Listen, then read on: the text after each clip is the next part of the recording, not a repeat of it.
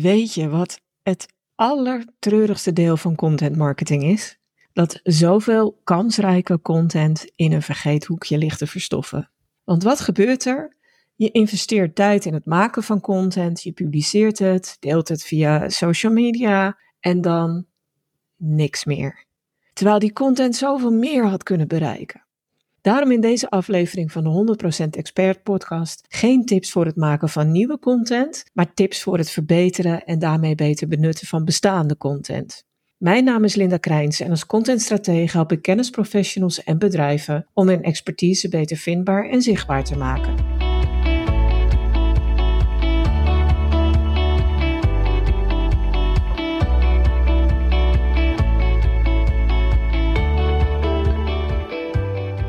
Als je bestaande content gaat verbeteren, betekent dat bijna altijd dat je die content veel beter gaat benutten. Dus wat ik regelmatig doe, is dat ik het produceren van nieuwe content echt op een lager pitje zet. Dat geldt zowel voor mijn eigen content, maar ook voor die van klanten en opdrachtgevers. En dat heeft twee redenen.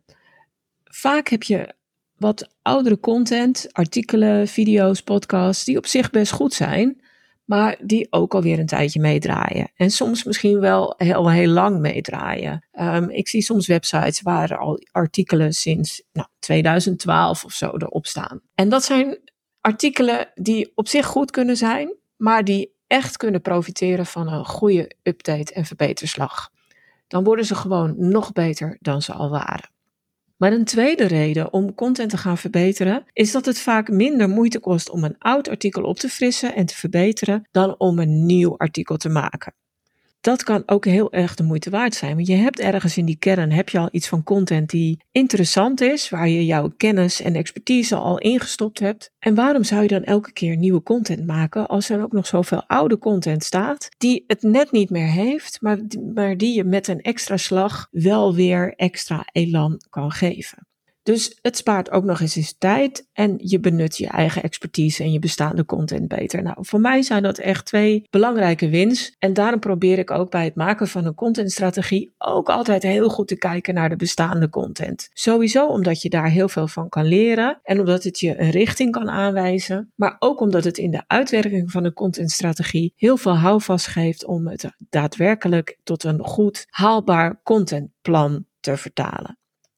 Als je dan aan de slag gaat met content verbeteren, dan kun je dat op drie manieren aanpakken. En ik beschouw het altijd als drie niveaus ook waarmee je aan de gang gaat. Het eerste wat je kunt doen, en dat is het laagste niveau, heeft ook het minste moeite, uh, brengt het met zich mee, dat is dat je content gaat opfrissen. Een stap verder ga je content inhoudelijk verbeteren.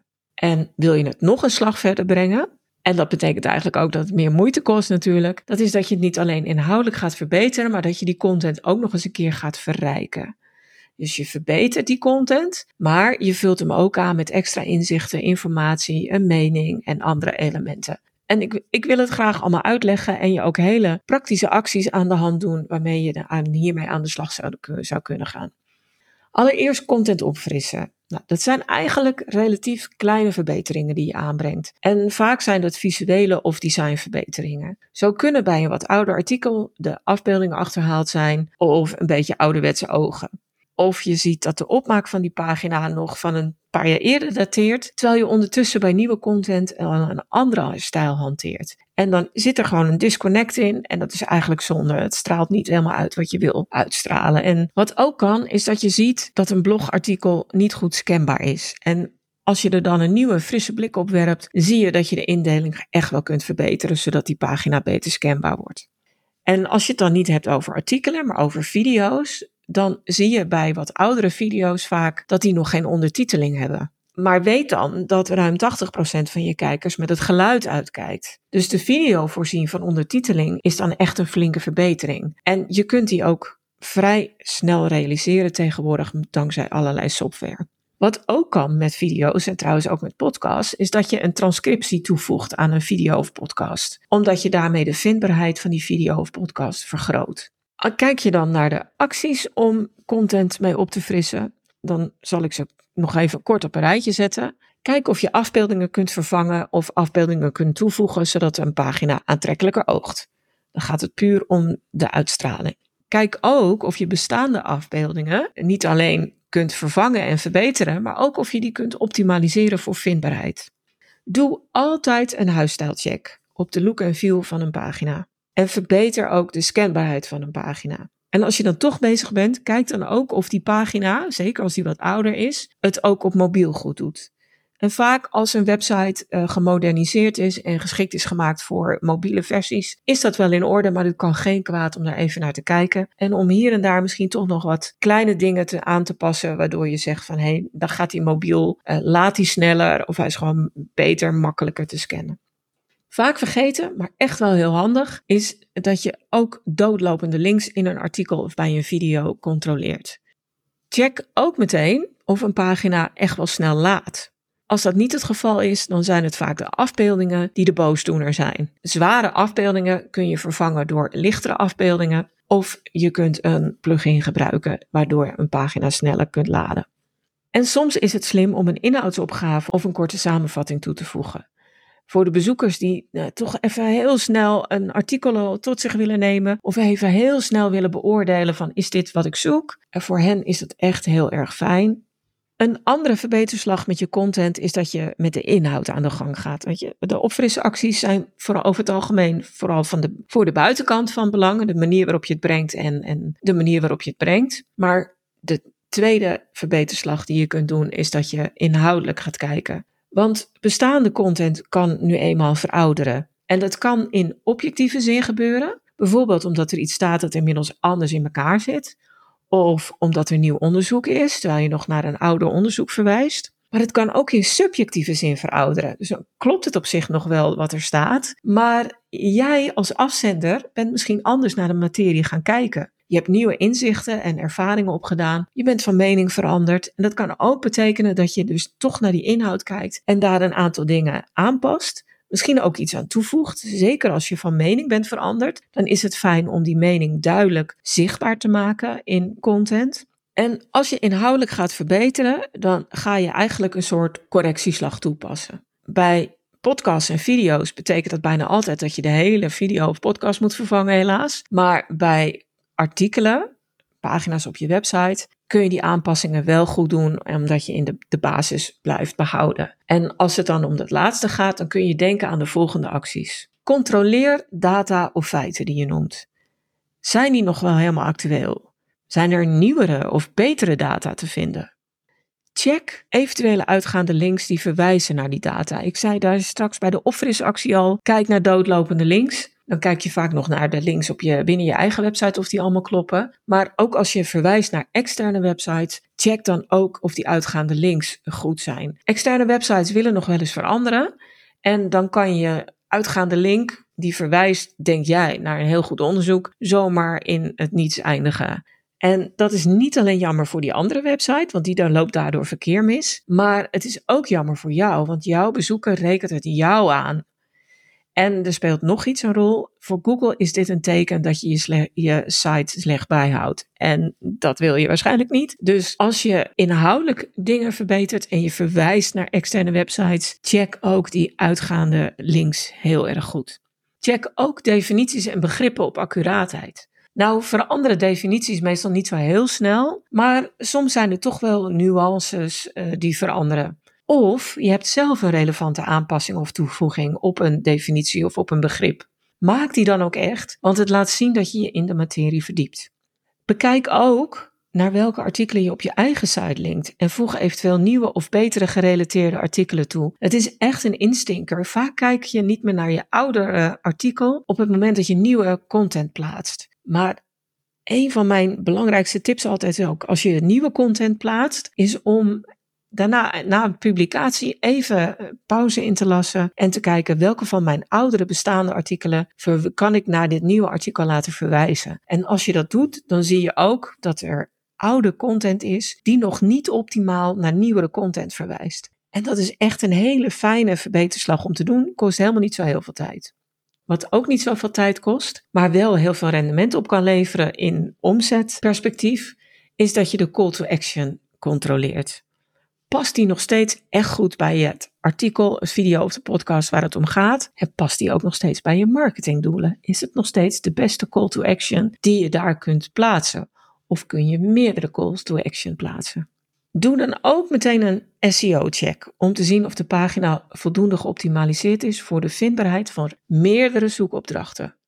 En als je dat doet, controleer dan ook meteen of een oud artikel niet te kunstmatig geoptimaliseerd is. En met kunstmatig optimaliseren bedoel ik een techniek die, nou ja, het is echt wel een tijdje terug, vijf, acht, tien jaar geleden, dat mensen dat deden, waarbij ze steeds dezelfde woorden gebruikten. Want dat moest dan om Google duidelijk te maken waar een artikel over ging. Gelukkig is dat al lang niet meer het geval. Google is heel veel verbeterd in de loop der jaren en snapt je tekst tegenwoordig heel veel beter dan vroeger. Dus op het moment dat je ziet dat het is, heeft nog een oude optimalisatieslag met veel dezelfde woorden of woorden die iets wat gekunsteld in dezelfde volgorde staan, want dat was de zoekterm waar ik op wilde, eh, voor wilde optimaliseren, vervang die dan gewoon door een beter lopende tekst, vloeiende taalgebruik, synoniemen en dan komt het gewoon hartstikke goed en je tekst wordt er alleen maar beter van. Ten slotte, een verbeteractie is ga na of bepaalde content niet te veel lijkt op andere content. We hebben allemaal stokpaardjes. En soms heb je dan twee of misschien zelfs wel drie of vier artikelen staan die elkaar heel erg overlappen. En kijk dan of je ze in dat geval samen kan voegen, zodat er één beter artikel ontstaat. En behoud dan het artikel met de beste positie in Google en dat de meeste bezoekers trekt. Gebruik dat als basis waar je die content die je uit het andere artikel haalt aan toe kan voegen. En voeg dan dat laatste artikel, dat uitgeklede artikel weg. En zo ontstaat er ook betere content. De derde en meest intensieve verbeteractie met content is dat je content gaat verrijken. En dat is echt de meest intensieve verbeterslag. Dus dat zal je niet, denk ik, bij alle content doen. Want je verbetert bestaande content niet alleen inhoudelijk, maar je vult hem ook aan met extra informatie. Er zijn bijvoorbeeld nieuwe aspecten bijgekomen die een rol spelen bij een bepaald onderwerp. Of er zijn nieuwe onderzoeken die relevant zijn en die een verrijking vormen voor een wat ouder artikel. Voeg die dan toe. Als je zaken gaat toevoegen om het te verrijken, pas dan wel op dat de content uiteindelijk niet te lang wordt. En doe voor de zekerheid een extra check uit die sectie met opfristips die ik net gaf, om ervoor te zorgen dat die content effectief is en blijft. Lange content vraagt gewoon meer van iemand. En we zijn nu allemaal aan korte video's, korte artikelen gewend. En dat betekent dat met lange content het soms even doorbijten is. Dus ook af en toe is het kill your darlings, ga schrappen en zorg dat je content ook nog steeds behapbaar blijft, ook als je er zaken aan toevoegt. Maar je kunt je content ook nog op een andere manier verrijken. En dat is door elementen toe te voegen die de inhoud beter verduidelijken. En een mooi voorbeeld daarvan is dat je een visualisatie van data toevoegt. Of dat je een video toevoegt. Uh, waar je bijvoorbeeld in één of twee minuten een element uit die content nader toelicht. Of waarbij je de, de basiscontent samenvat. Mensen kunnen ook vaak heel gemakkelijk even door een videootje heen gaan. Dus als je het dan hebt over de acties om content te verrijken, dan heb ik er in feite uh, vijf à zes. Nieuwe onderzoeksdata of inzichten toevoegen. Maar wat je dan ook kunt doen, en dat is je tweede optie, is dat je een bronnensectie toe gaat voegen aan een artikel. Want juist als je kennis ontsluit, kan het goed zijn om een bronnensectie toe te voegen aan bepaalde content. Daarmee laat je zien dat jij als afzender je kenniszaken op orde hebt en je bewijst de bezoeker die meer wil weten er ook nog eens een keer een grote dienst mee, want je wijst iemand de weg. Die derde verrijkingsactie, die noemde ik eigenlijk net al, dat is dat je datavisualisaties toe gaat voegen, zoals grafieken of tabellen. Het brein verwerkt afbeeldingen gewoon sneller dan tekst. En zo'n visualisatie kan een hele mooie toevoeging zijn om mensen sneller de kern van bepaalde content tot zich te laten nemen. En een andere vorm van een visualisatie is dat je visuele quotes toevoegt. Ligt bijvoorbeeld een kernelement uit, of een kernuitspraak, of een definitie, of een mening die je hebt. Vat die in één of twee zinnen samen en maak daar een visuele quote van, die er ook qua design uitspringt binnen die content. Dat kan echt al een hele mooie verrijking en toevoeging zijn. Wat ook een goede toevoeging is, is dat, dat je een video toevoegt met een uitleg of een demonstratie. En dat kan een gewone video zijn, maar dat zou bijvoorbeeld ook een animatie kunnen zijn. Eén hamvraag waar ik het dan nog niet over gehad heb, is van oké, Maar welke content ga ik dan verbeteren? En welke pak ik dan als eerste? Want misschien heb je al heel veel content staan. En dan heb je echt geen zin om ze allemaal te gaan verbeteren. Dat zou een enorme inspanning van je vragen. Dus waar kun je dan mee gaan beginnen? Dat verschilt natuurlijk per website, per organisatie, per expert. Maar je kunt naar het volgende kijken. Artikelen of video's die ouder zijn dan drie jaar en die onderwerpen bevatten die toch wel enigszins veranderlijk zijn, die kun je goed onder handen nemen. En op mijn website stroop.nl uh, betreft dat bijvoorbeeld alle artikelen over social media. En als ik eerlijk ben, is drie jaar daarvoor zelfs nog te ruim, want sommige dingen zijn na een jaar alweer verouderd of niet meer helemaal toepasbaar. Maar hou voor de vuistregel drie jaar aan en heb je veranderlijke onderwerpen, kijk dan of je na één of twee jaar aan moet houden. Alles dat ouder is dan vijf jaar, heeft bijna altijd een visuele opfrisslag nodig. Jij bent veranderd, jij bent vooruit gegaan, de tijd is veranderd, mensen zijn andere dingen gewend in visueel opzicht. Uh, dus het oogt al vrij snel verouderd. Check dan daarop en kijk van hè, of je de oudere content dan vijf jaar die visuele opfrisslag kunt geven. Voeg daar dan ook die andere opfrisactie aan toe, dat je checkt op vindbaarheid en op mobiele toegankelijkheid. Gewoon just in case, altijd doen bij content die echt wel oud is. Andere content die wat mij betreft bovenaan het lijstje mag staan om uh, te verbeteren, is content die net niet op de eerste pagina met zoekresultaten staat, maar die op de tweede pagina staat. Of content die onderaan de pagina met, eerst, met zoekresultaten staat en waarvan je denkt, ah, die zou wel eens hoger kunnen komen te staan, want een paar posities omhoog betekent gewoon heel veel meer bezoekers. En dat vind ik ook hele fijne content om onder handen te nemen. En misschien had ik die eigenlijk wel als eerste moeten noemen. Uh, omdat je daar gewoon veel rendement uit kan verwachten. Waar je ook veel rendement van kan verwachten, is als je je best presterende content elk jaar even een check geeft van moet ik hier nog wat dingen aan verbeteren, verrijken, opfrissen? Want je best presterende content is content die niet alleen veel bezocht wordt, maar die mensen ook lang lezen, waardoor ze naar andere uh, gerelateerde content gaan, waardoor ze zich misschien wel abonneren op je nieuwsbrief, contact opnemen, etc. Dus je best presterende content is meer dan content die veel bezocht wordt, maar het doet ook echt iets voor je. Het helpt je om je doelen te realiseren. Die content wil je dat die blijft presteren. En dat betekent dat je die echt wel ieder jaar even moet checken. Wat heeft hij nodig? Misschien een heel klein opfrisbeurtje, zo gebeurt. Misschien moet je hier en daar nog even een, een bron checken of iets. Ook vrij snel gedaan. Maar dat is content die ook altijd in je achterhoofd moet zitten bij verbeterslagen.